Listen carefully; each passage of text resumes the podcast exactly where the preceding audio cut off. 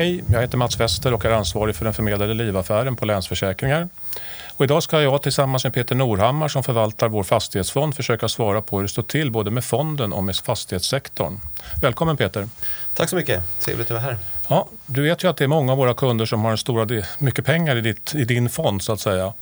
Och det har länge varit en fantastisk placering med en lysande avkastning. Men i höstas hände det något. I början av september så dök kurserna plötsligt och det fortsatte ett par månader framåt och idag ligger kanske kurserna sig 10% under nivån då vid toppen i början av september. Vad var det som hände? Ja, det är väl en, en samling saker som har hänt. Då. Man ska väl börja med att kommentera att eh, fonden har gått väldigt bra under många, många år. Så en liten blipp ner nu har inte förstört den långsiktiga fina uppgången skulle jag vilja säga för det första. Då.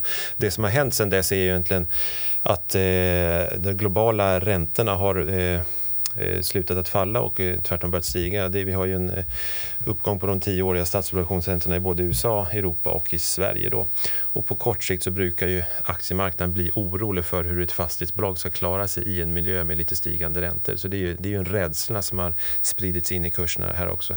Sen är det också ett antal av fastighetsbolagen som har eh, annonserat nyemissioner, alltså tagit in nytt kapital i syfte att växa sin affär för de ser väldigt goda investeringsmöjligheter helt enkelt. Det här är ju investeringar som kommer gynna eh, bolagen och eh, aktierna över tid. Så det, det är heller ingenting att vara rädd för. Men på kort sikt så, så fungerar ändå nyemissionen så att det dränerar liksom fastighetssektorn på kapital. Så att det har ju också blivit ett litet säljtryck av det. Då, då.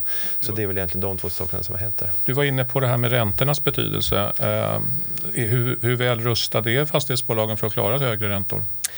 Jag tycker de är väldigt väl rustade. Det är väldigt Eh, Eh, ansvarsfulla bolagsledningar just nu. Dels så har ju de senaste årens eh, värdeuppgångar på fastigheterna inte använts fullt ut för att investera. Eh, så att säga. Så att belåningsgraderna i fastighetsbolagen har ju kommit ner en 5-10 procentenheter nu jämfört med fem år tillbaka. Så att genomsnittlig belåningsgrad bland bolagen ligger någonstans runt 55 procent skulle jag gissa på idag. Då, vilket är, är, är ganska lågt.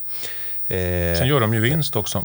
Sen så gör de ju vinst också. Det är det som eh, skiljer den här, fastighet, den här starka fastighetsuppgången, fastighetskonjunkturen vi ser nu, om vi jämför med vad som hände på slutet på 80-talet. Då. Nu är ju det vi kallar för yield spread fortfarande positiv. Alltså skillnaden mellan avkastningen vi får från en, ett, ett fastighetsförvärv och låneräntan är ju fortfarande väldigt hög. Så bolagen är ju höglönsamma och är riktiga kassaflödesmaskiner. Och det innebär att de här bolagen tål eh, betydande ränteuppgångar eh, och kommer ändå vara eh, väldigt lönsamma så att säga. Mm. Och räntorna stiger av rätt skäl den här gången. Det vill säga för att konjunkturen ser ut att bli starkare. Ja precis, ja. och det är också en väldigt bra fråga tycker jag. Det här är ju inga, alltså fastighetsaktier eller fastighetsbolag är ju inga ränteinstrument. Det här är ju rörelsedrivande bolag som tjänar pengar på att hyra ut lokaler till, till, och erbjuda bra lokaler till kunderna. Och så länge räntorna stiger av rätt skäl som du är inne på, det vill säga starkare konjunktur och högre inflationstal, så kommer det ju gynna bolagen eh, intäktsmässigt. Dels de kommer kunna hyra ut fler lokaler och hyra ut fler lokaler till högre priser och då har de råd att betala lite högre räntekostnader och ändå så kommer eh, resultaten på nedersta raden i resultaträkningen vara högre. Då. Så att eh, de här eh, kommer klara av en, en, en bra ränteuppgång. Mm. Hur tror du att fastighetssektorn går det närmaste året eller åren? Jag eh, Eh, kan ju som vanligt inte lova någonting, men så länge fastighetsbolagen utvecklas bra och så länge fastighetsmarknaden är, är i balans så eh, har vi väl anledning att tro att fastighetsaktierna också ska fortsätta upp. Då. Och det är ju en, en, bra sektor här, för den är lite lättare att förutspå än många andra sektorer på börsen. Och eh, enligt mina kalkyler och många med mig så, så kommer de här bolagens vinster fortsätta öka någonstans 10% per år både 2017 och 2018. Och bolag som varaktigt presterar ökande vinster och ökande kassaflöde brukar ju få se sina börskurser stiga. Då. Så jag tror nog på fortsatta kursuppgångar. Men det kan bli oroligt om räntorna plötsligt sticker iväg lite grann. Eh, så kan det kortsiktigt åtminstone slå mot fastighetssektorn av den här ryggmärgsmässiga reaktionen på börsen? Ja, så, så länge vi har en trend med stigande räntor så kommer det alltid finnas lite rädsla i, i, i, i aktiemarknaden.